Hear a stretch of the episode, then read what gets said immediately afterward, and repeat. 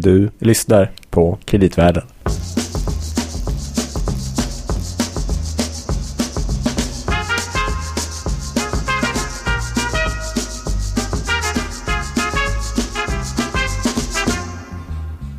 Varmt välkommen till ett nytt avsnitt av Kreditvärlden, Sveriges enda, kanske också fortfarande världen, som ingen har plockat upp det här internationellt, eh, podcast om kreditmarknaden. Eh, som vanligt är det jag, Gabriel Bergin och Loel Anneman.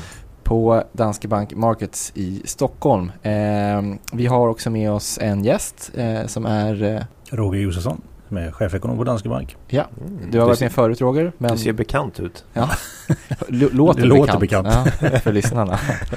eh, det är jätteroligt att du kunde vara med en stund för vi tänkte prata om, vi tänkte att du skulle måla upp ett landskap i vilket det är vi, vi som kreditinvesterare befinner oss just nu och hur det kommer förändras under kommande år. Eh, förra avsnittet avslutades ju på, ja men man skulle kunna säga en lite positiv eh, eh, not. Eh, Mm. Då vi pratade med bankexpert och analytiker Per Törnqvist som inte såg någon finanskris nära förestående i Norden. Enligt Se honom då. om eh, Roger kan leva upp till den här optimistiska bilden som Ja, målades blir- i förra avsnittet. Eller om det vänder mot det negativa igen. Ja, ni vet ju att jag är känd för att vara optimist. Ja, exakt. Just det, precis. Nej men vi tänkte ju så här att nu så här i slutet på 2014 så är det ju eh, i och för sig delvis dags att summera året som gått. Uh, vilket man ändå får säga har varit rätt hyggligt för kreditinvesterare. Om man Mm. tittar på svenska företagsobligationsfonder till exempel så tror jag i genomsnitt de har avkastat 4 procent. Mm. Det är kanske på sätt och vis inte fantastiska siffror men det finns vissa fonder som ligger uppåt 5 och 10 så det är ganska lite ökad spridning mellan fonderna vilket i sig i och för sig är lite intressant och vi ska väl komma tillbaka till och prata mer om det. Men ändå ett, Man ett kan, ganska, ganska hyggligt år. ja, man kan väl i och för sig konstatera att året som till exempel då som kreditinvesterare har väl utvecklats inte riktigt som man kanske hade trott i början av året. För att Det gör ju sällan det. Ja. ska inte göra ner vårt arbete allt för mycket Louis. Men, men då var ju nästan, vad ska man säga, någon slags konsensusvy att nu kommer återhämtningen lite grann och räntorna kommer komma upp både i Sverige och internationellt. Eh, det blev ju snarare tvärtom så att räntorna kom ner väldigt kraftigt eh, överlag. Mm. Eh, vilket då i sin tur också gav stöd till kreditmarknaden. Eftersom att Just det klassiska att obligationer stiger Ja. i värde när räntan går ner. Ehm, och Däremot så har det varit lite skakigt på vissa delar av kreditmarknaden. Jag vet inte hur mycket av det som har eh, hörts om så att säga utanför eh, den lilla krets av investerare som, som finns på vår marknad. Men det har ju i alla fall för de obligationer med hög risk varit lite högre eh, Mm. svängningar vilket eh, har gjort att den bästa avkastningen har vi faktiskt sett på dem med lite lägre risk. Och har väl återigen pekat på vikten det här med att just vara selektiv och välja rätt namn i den här lite tuffare miljön som Mm. vi befinner oss i. Då. Absolut. Men eh, om vi nu, ehm, vi kommer tillbaka och prata lite mer om det sen Mm. i kommande avsnitt tror jag. Men om vi ska blicka framåt då för, eh, för nästa år och vi då ska nu fundera på hur man liksom ska positionera sig lite här och ehm, fundera på vad en sån här företagsobligation kan tänkas komma att avkasta om vi tänker något år framåt. Då är det ju två saker vi behöver reda ut lite Mm. grann och det ena är ju den här underliggande räntan. Hur kommer den att gå? För eh, det har ju en stor betydelse för, eh, ja, för alla obligationer kan man säga. Och det påverkas ju i sin tur bland annat av konjunkturutsikterna. Eh, Det andra, den andra delkomponenten som vi måste också titta på det är ju hur går den här kreditriskpremien, så kallade kreditspreaden, alltså den extra avkastningen man får just med en företagsobligation. Men även det påverkas ju väldigt mycket av konjunkturutvecklingen och vad som Mm. händer. Och för det påverkar ju då till exempel riskaptiten och så. Så det känns ju som att båda de här delkomponenterna, om vi ska komma någon vart så borde vi ju reda ut lite kring det här med konjunkturen och, och, och kanske få någon ränteprognos av en expert. Tänk om man hade en sån. Tänk om man hade det. Mm. Eller vänta, Roger sitter ju här. Sitter jag är han här ju. Hej! Ja, hej. Vi hade glömt det. Vi blev så inne i det här med kreditmarknaden. Ja. Här, så. Vad bra. Eh, men då kanske du kan hjälpa oss att reda ut begreppen lite då. För att eh, det första som vi funderar på det är ju Ja, vi kanske bara ska titta lite på vad räntorna ligger på. Vi börjar ju prata nu om den här nollräntemiljön efter Mm. att Riksbanken sänkt sin ränta till noll, vilket i Mm. sig är en, en intressant sak. Mm. Uh, men du har, en, till exempel jag tror att en femårig statsobligationsränta just Mm. nu ligger på 0,2 procent. Mm. och en tioårig på 1,1 procent. Mm. Det är ju extremt låga nivåer. Så det är ju Mm. inte ens bara den rörliga räntan, alltså korta räntan som är noll. De här längre börjar ju närma sig nästan noll också. Och du har, har du några siffror på hur det ser ut framöver Gabriel? Ja, men om man tittar på, inte på statsobligationer, men på någon typ av referensränta som också är flitigt använd på kreditmarknaden, en så kallad swapränta, så, så äh, ligger den just nu på 5 och den är lite högre. Eh, den ligger på 0,7 procent nu. Och den förväntas enligt marknaden då, om man tittar på vad som prisas in, så förväntas den stiga med ungefär 0,3 procent till 1 procent. Så det är ingen kraftig ökning Under det kommande under året? kommande eller? året, Ja. exakt, till eh, dagens datum om ett år.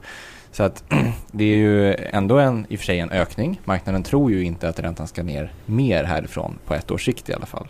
Men det är en ganska försiktig eh, ökning. Men det är alltså extremt låga räntor, Mm. nästan noll. Och förväntan är att de kommer att förbli nästan noll Mm. kan man säga om man sammanfattar. Roger, hur har det kunnat bli så här? Ja, ni började med att prata om, om konjunkturen. Det är klart att det är ju eh, någonstans det som är den, tycker jag, den grundläggande liksom, förklaringsvariabeln. Eh, vi har ju pratat i några andra avsnitt när jag varit med om Japan. Eh, och de kopplingarna blir ju väldigt intressanta även där. För man kan ju konstatera att Japan också har en nollränta. Eh, och dessutom väldigt, väldigt låga längre räntor. Så de likheterna är ju uppenbara. Och man kan ju också konstatera då att precis som i Japan eh, när de, den här processen inleddes så förväntar vi oss fortfarande ändå att räntorna ska komma upp om än i väldigt måttlig takt under eh, de kommande eh, månaderna och kommande åren framförallt. Då.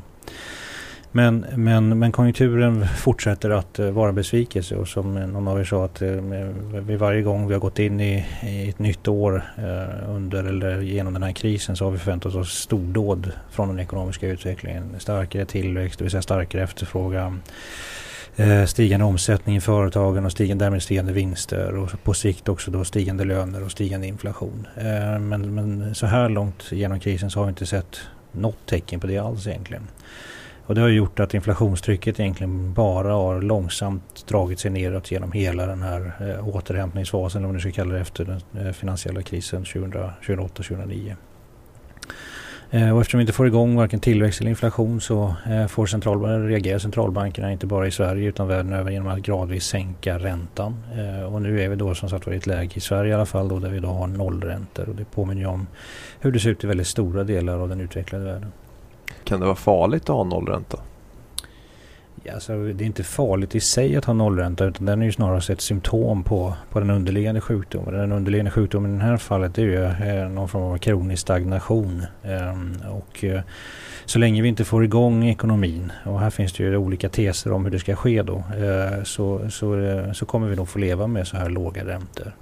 Eh, jag vet att jag har understrukit det vid flera tillfällen. Jag är inte så jätt, alltså, jag sitter inte och letar efter inflationstryck här och nu. Utan det jag sitter och letar efter här och nu det är tecken på att tillväxten tar fart. Eh, för det är klart att skulle inflationen ta fart i, i någon form av närtid, ja då tycker jag vi har rätt så stora problem. För det innebär ju att många av de som är arbetslösa idag till exempel inte helt enkelt är attraktiva på, på arbetsmarknaden och därmed inte kan bidra till att producera och skapa välfärd i, i samhället. Och det i sin tur innebär att vi får, eh, får eh, de, de få som fortfarande är attraktiva, att de faktiskt driver upp lön och inflationstrycket. Eh, men som sagt var, inflation nu är väl kanske inte riktigt det man ska leta efter utan det är framförallt tillväxt igen då. Är Riksbanken inne på samma spår eller liksom, kommer de fortfarande vara inflations... Galningar så att säga? Eh, Inflation hunters. Ja. Eh, Ja, alltså man, man kan väl konstatera att det, det finns ju lite grann av två skolor kan man säga, eller två lösnings... Eh, två lösningar på de här nuvarande predikamenten. Och den första och kanske mest allmängiltiga eh, bland centralbanker etc. Det är ju någon form av tro på att efterfrågan eh, har skiftat ned till en nivå där vi liksom har svårt att få igång det med hjälp av just räntan. Utan här kanske det måste till andra eh, vapen eller instrument också. Eh, en en eh, välrenommerad herre som till exempel Paul Krugman argumenterar ju för väldigt, väldigt kraftiga ökningar av, av offentliga investeringar och så vidare för att dra igång då eh, tillväxten i, i USA och runt om i världen. Men Kan man, om man bara, får man vända på det här? Måste man ha tillväxt då? Kan man inte bara säga så här att ja, det är som det är och eh, eh, är det verkligen värt att göra en massa stora uppoffringar? För, Eh, Alltså det är väl en, en, vad, eh, vad ska man med tillväxten till om vi säger så? Ja, alltså, ja, tillväxten, när jag brukar titta på tillväxt, jag brukar säga att den liksom sanna tillväxten, det är produktiviteten. Eh, för det där är ju, så kan vi, produktiviteten det är nämligen det liksom, den eh, det är att man egentligen gör saker effektivare, ja, inte att man gör mer saker nödvändigtvis. Nej, och, och det, som är det fina så att säga med produktiviteten, det är, det är det som vi då kan fördela mellan kapitalägare och arbetskraft. Det vill säga har vi en hög produktivitetstillväxt då kan vi ha hög vinsttillväxt och hög lönetillväxt. Så det är liksom den bästa av världen. Sen, sen tycker jag liksom någonstans får man ställa sig frågan, ja behöver jag tillväxt? Ja, eh, Eh, vi behöver nog få upp tillväxten för många av de beslut som vi fattade, eh, fattar och har fattat de bygger ändå på att det ska ske någon form av tillväxt som ska hjälpa oss att betala våra skulder och vad det nu är för någonting. Eh, och det är klart att motsvarar inte den tillväxten förväntningarna, ja då måste vi spara ännu mer, det vill säga då blir tillväxten ännu lite lägre och så vidare. Så det finns en, en risk för nu då när vi inte kan använda räntan mer när vi är nere på noll, att vi faktiskt är liksom permanent fast i ett läge där vi inte kan, eh, där vi liksom sparandet i princip bara ökar hela tiden. Men uh, har, stämmer det då att den här tillväxten som du pratade om förut har den varit för jämnt fördelad? Man kan ju säga att den kanske, som du säger, ar, har arbetarna kanske inte fått så mycket av den. Eftersom antar jag inflationen är också låg. Så. Nej, alltså det är ju, det är ju en, en, en, en debatt i sig. Eh, framförallt efter den här Piketty. Jag tror vi har nämnt det vid någon tidigare tillfällen om att liksom fördelningen då av, av eh, den tillväxt som har skett under de senaste decennierna kanske inte är just så jämnt fördelad utan den har eh, liksom nästan enbart gått till de som de rikare eller mer förmögna eller kanske de som eh, har högst inkomster. Jag tycker att det finns många ekonomer som har en mer intressant koppling eller vinkling på det där och menar på att om man skulle skära världen idag skulle man nog inte skära den nationsgränser utan man skulle skära det snarast över utbildningsgränser. Mm. Det vill säga det handlar om att ha hög utbildning och därmed en stark anknytning till arbetsmarknaden snarare då än, än någonting annat. Så det, det finns, nej det är ju, men det, det, det kanske jag tycker faller lite grann utanför just nollräntediskussionen även om det är en otroligt intressant diskussion i sig. Men, men okej, okay, om vi säger att vi kanske behöver tillväxt för att till exempel skapa jobb mm. uh, för de som inte har jobb. Så det verkar ju rimligt att det är ganska viktigt. Men det här med inflation då, att det här med inflationsmål, är det liksom viktigt? Eller kan man, det här man säger alltid att deflation är så hemskt och så här. Eh, ja, lite grann på samma tema eh, så är det ju så att vi fattar ju beslut och många av de besluten, framförallt när vi pratar om investeringar och så vidare och när vi tar upp skuld också de bygger någonstans på att vi ska liksom få en avkastning av de här investeringarna eller att vi ska kunna betala tillbaka de där skulderna. Så, eh, och i, I det här ramverket som vi då kallar för inflationsmålsregimer då ligger ju att man då ska ha en permanent ökning i, i priserna som ligger någonstans kring 2% Inte bara i Sverige utan det är ett ganska allmänt accepterat inflationsmål. Det innebär ju då att priserna tillsammans med produktionen ska öka med sig, som ett exempel för Sverige, om vi säger att Sverige långsiktigt ska växa med 2% att eh, nominell BNP då ska öka med 4% och den där ökningen ska då översättas till någon form av inkomstökning. Och då kan jag, tror jag man, det är rimligt att anta att de flesta Eh, investeringar till exempel när det gäller eh, aktiemarknaden bygger någonstans på en långsiktig mm, tillväxt på kanske 4 procent eller något liknande. Och det är klart att det avkastar inte så, det vill säga både eh, den reala tillväxten och den nominella liksom, komponenten, det vill säga pristillväxten är lägre, ja då får du inte alls den avkastningen. Och det i sig behöver inte vara ett problem, du har gjort en dålig investering. Men det är klart att när du har tagit på dig en skuld kanske då för att investera i det där, för att du har räknat med den där avkastningen, då får vi problem. Och det är väl just därför som det i det här läget är väldigt bekymmersamt med en låg tillväxt. Och det här med just 2 som inflationsmål på sätt och vis kan man säga kanske lite godtyckligt men det är att man vill vara en bit ifrån också deflation så det är en sorts säkerhetsavstånd lite grann kanske? Eller? Ja, alltså det, det, det, är ingen, det här med 2% inflationsmål är ju ingen exakt vetenskap. Eh, Riksbankens mål till exempel, det är ju eller alltså lagstadgade mål, det är ju prisstabilitet. Sen har de själva valt att definiera det som 2 Eh, och anledningen till att man valde 2% är fler, alltså flera olika faktorer. Dels var det liksom den, den, internationella standarden vid den tidpunkt man införde det här. Då var det egentligen bara Nya Zeeland och Kanada tror jag som hade det.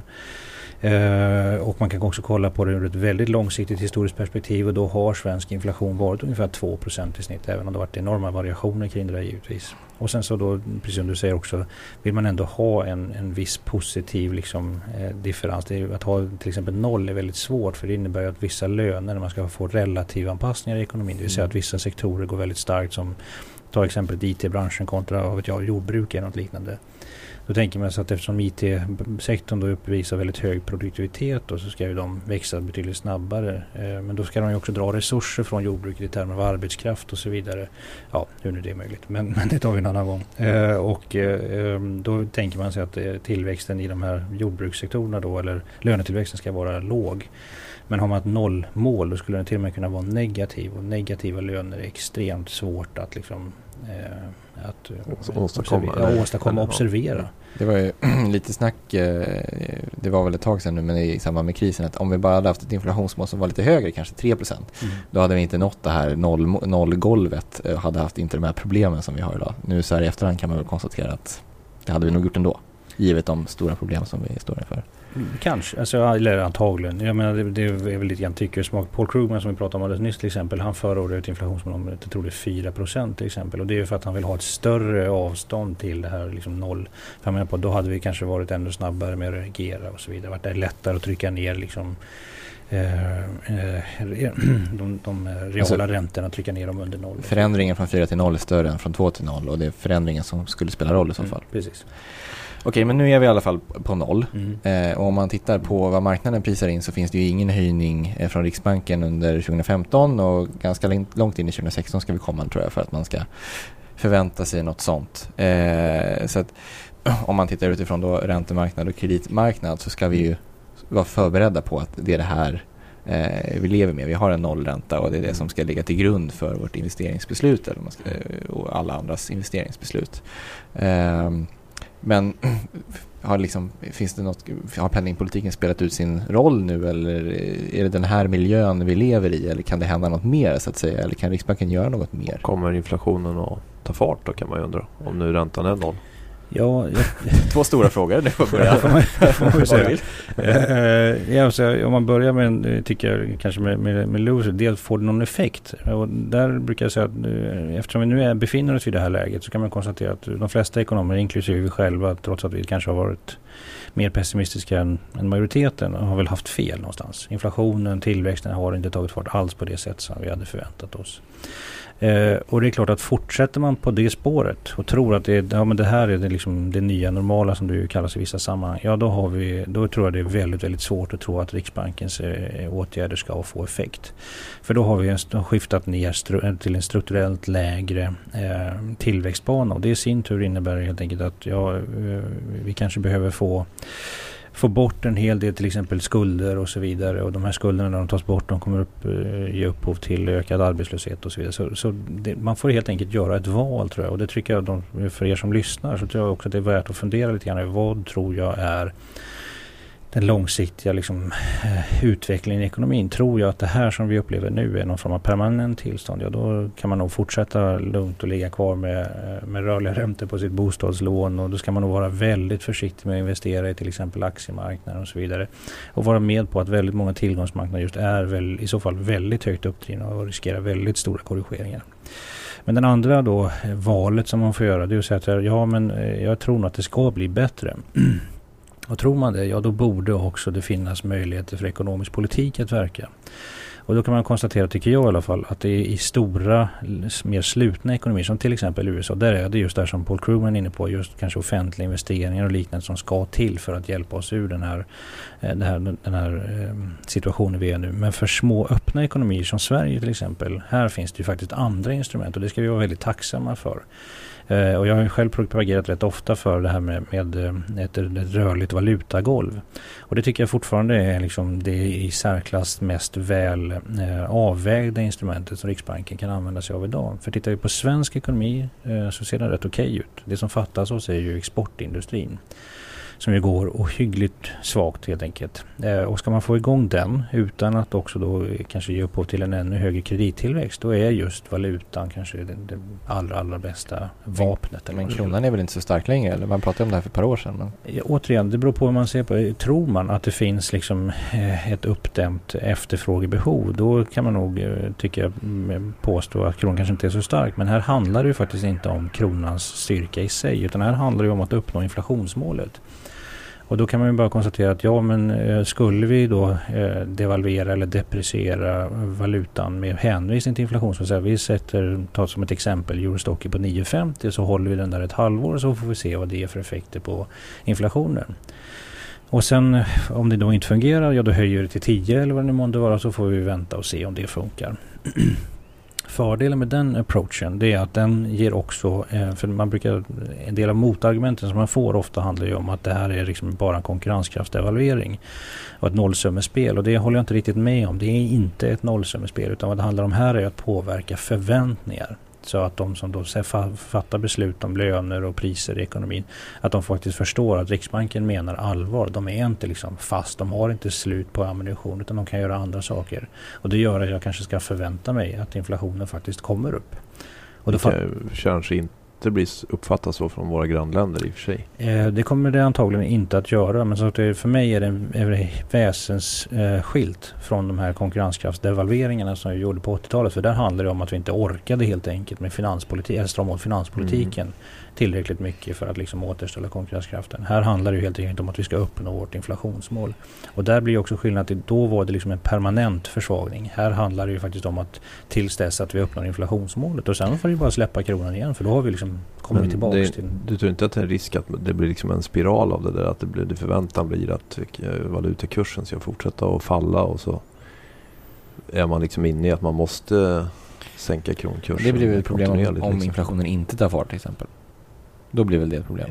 Så, så kan det vara. Jag menar, vi, vi, det här experimentet som vi pratar om har man i någon mån får man väl säga testat eller testar just nu i Japan. Och det är liksom effekterna tyvärr har ju varit så här långt att eh, även om yenen har försvagats kraftigt under de senaste par mm. åren så eh, företagen som då går fantastiskt bra där exporten liksom bara eh, exploderar i princip eh, kom, investerar in, inte i Japan.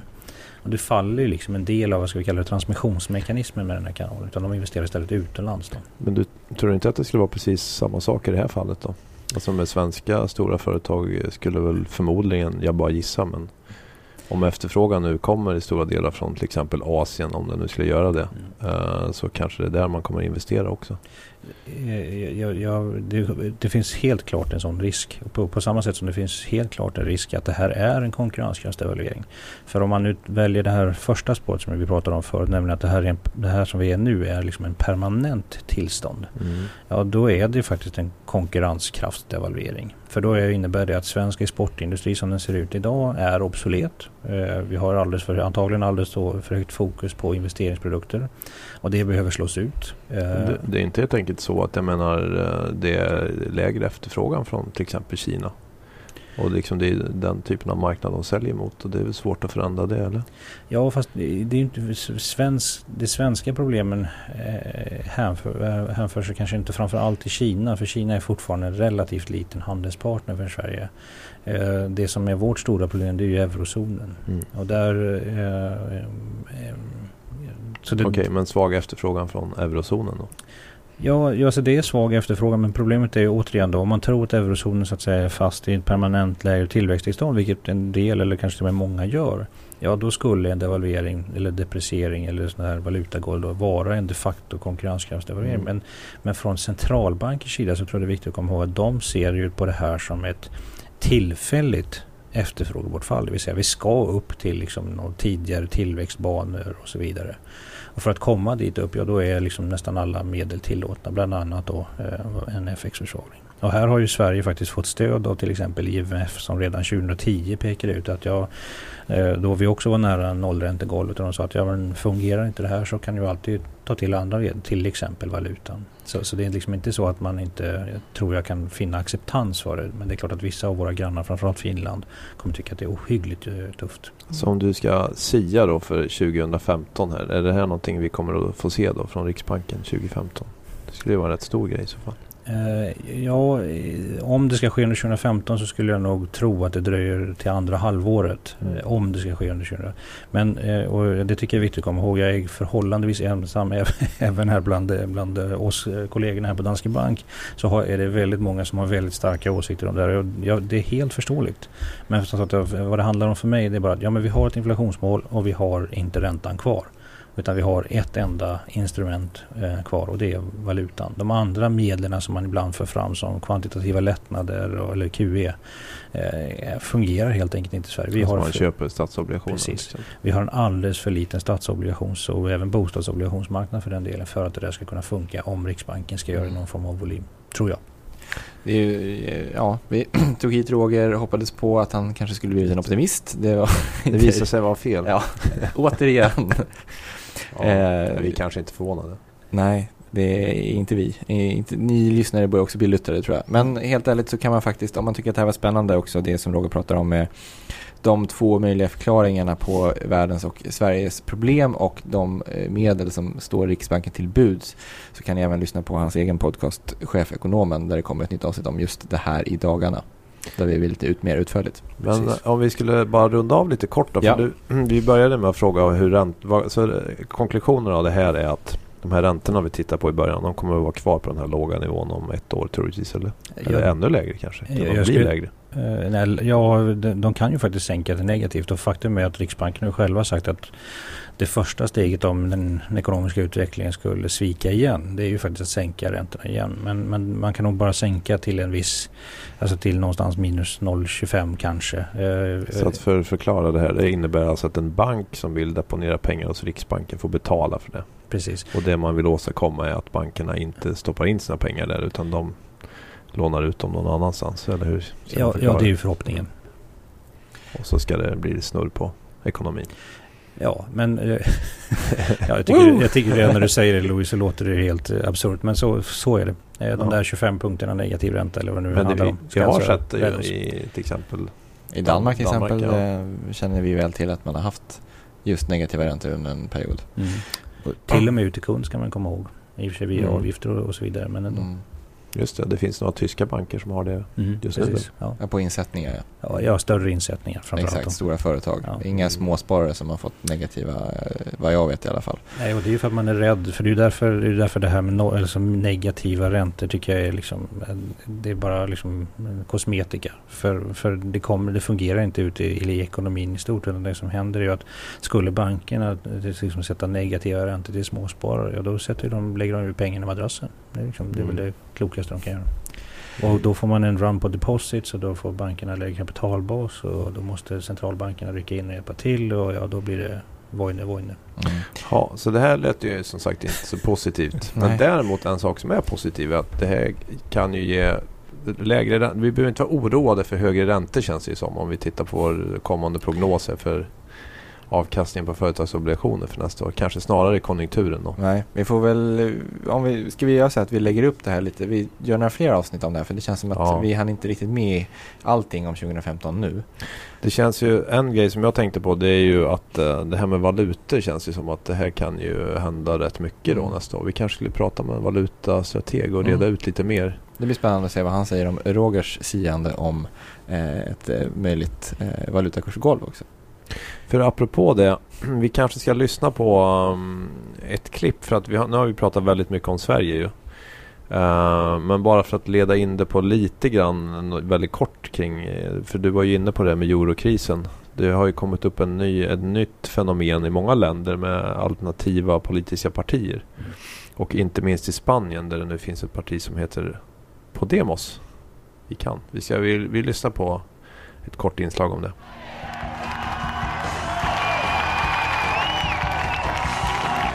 Adopting Obama's famous Yes We Can slogan, Podemos came to be a success story of the EU elections in Spain last May. Created in January 2014, they managed to take Spain by storm in only four months, getting nearly 8% of the vote and five seats in the EU Parliament. The face of Podemos is 35-year-old ponytailed Pablo Iglesias, who led the campaign.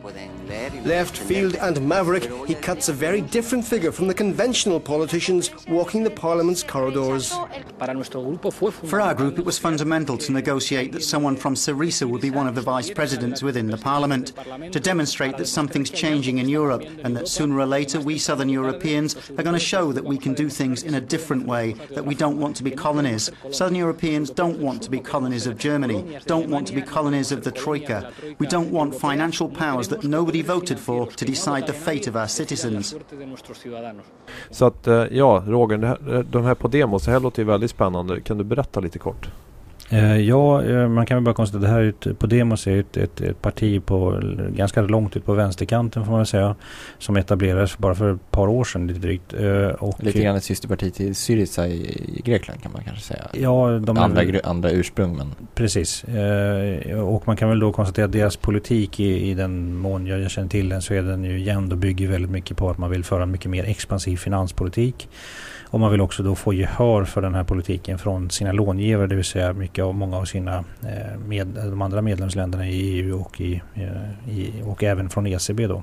Och de utsikterna är väldigt låga. Kort sagt så eh, får man väl säga att de hotar helt enkelt med att lämna euron och EU om de inte då får gehör för sin politik. Så, och där, det här är ju någonting som jag tycker har försvunnit lite grann i debatten. För man ska komma ihåg i slutet av nästa år så har vi ju faktiskt val i Spanien igen. Mm. Och de här Podemos, de är ju eh, vad jag vet i alla fall i några opinionsundersökningar nu det största partiet i Spanien.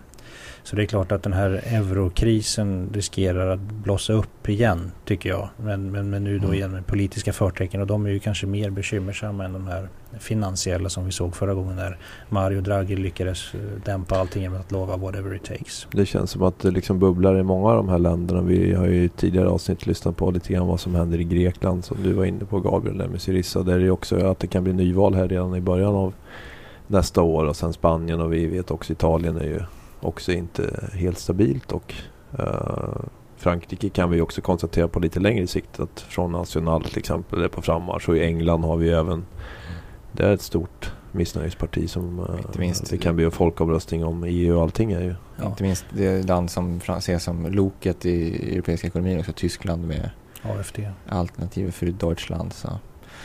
Ja, det, det vill till, eller det, det lovar att bli en, en, en spännande politisk dans under, under nästkommande år. Det låter som att vi inte räcker med att vi håller utkik på vad som händer med olika konjunkturindikatorer med andra ord för att sia om vad som kommer hända med kreditmarknaden nästa år utan även vissa politiska. politiska risker. Igen. Ja, Exakt.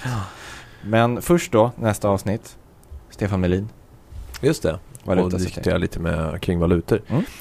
Vad trevligt. Tack för att du kom igen Roger. Ja, tack själva. Mm, väldigt generös med din tid tycker vi. Vi Ja, det är alltid lika roligt att vara här. Eh, jo Gabriel, jag tänkte, vi brukar ju ha den här slutvinjetten. Ja. Eh, men då tänkte jag så här då. eh, Ska vet- du byta ut den nu igen? Nej men som variation. Ja. För att Roger är väl också, vet, du gillar väl klassisk musik Roger eller? Ja, självklart. Ja. Eh, det kan ju vara trevligt att liksom lyssna på lite klassisk bildande musik. Eh, Jag tänkte något avsnitt ur Carmen kanske. Ja, oj. Lite bara för att variera. Är det något särskilt du tänker på? Jag vet inte men vi kan ju ta det här då. Ja, det är liksom, det temat tror jag de flesta kommer att känna igen här Ja. från Carmen. Ja, då kommer men det det är här. en liten annorlunda variant kan man säga. Version heter det kanske. Exakt. Tack för att ni lyssnade. Eh, Facebook, Twitter, kreditvärlden.se, iTunes, Ja, Carmen. Carmen. Perfekt. Hej. Tack, hej. Hej.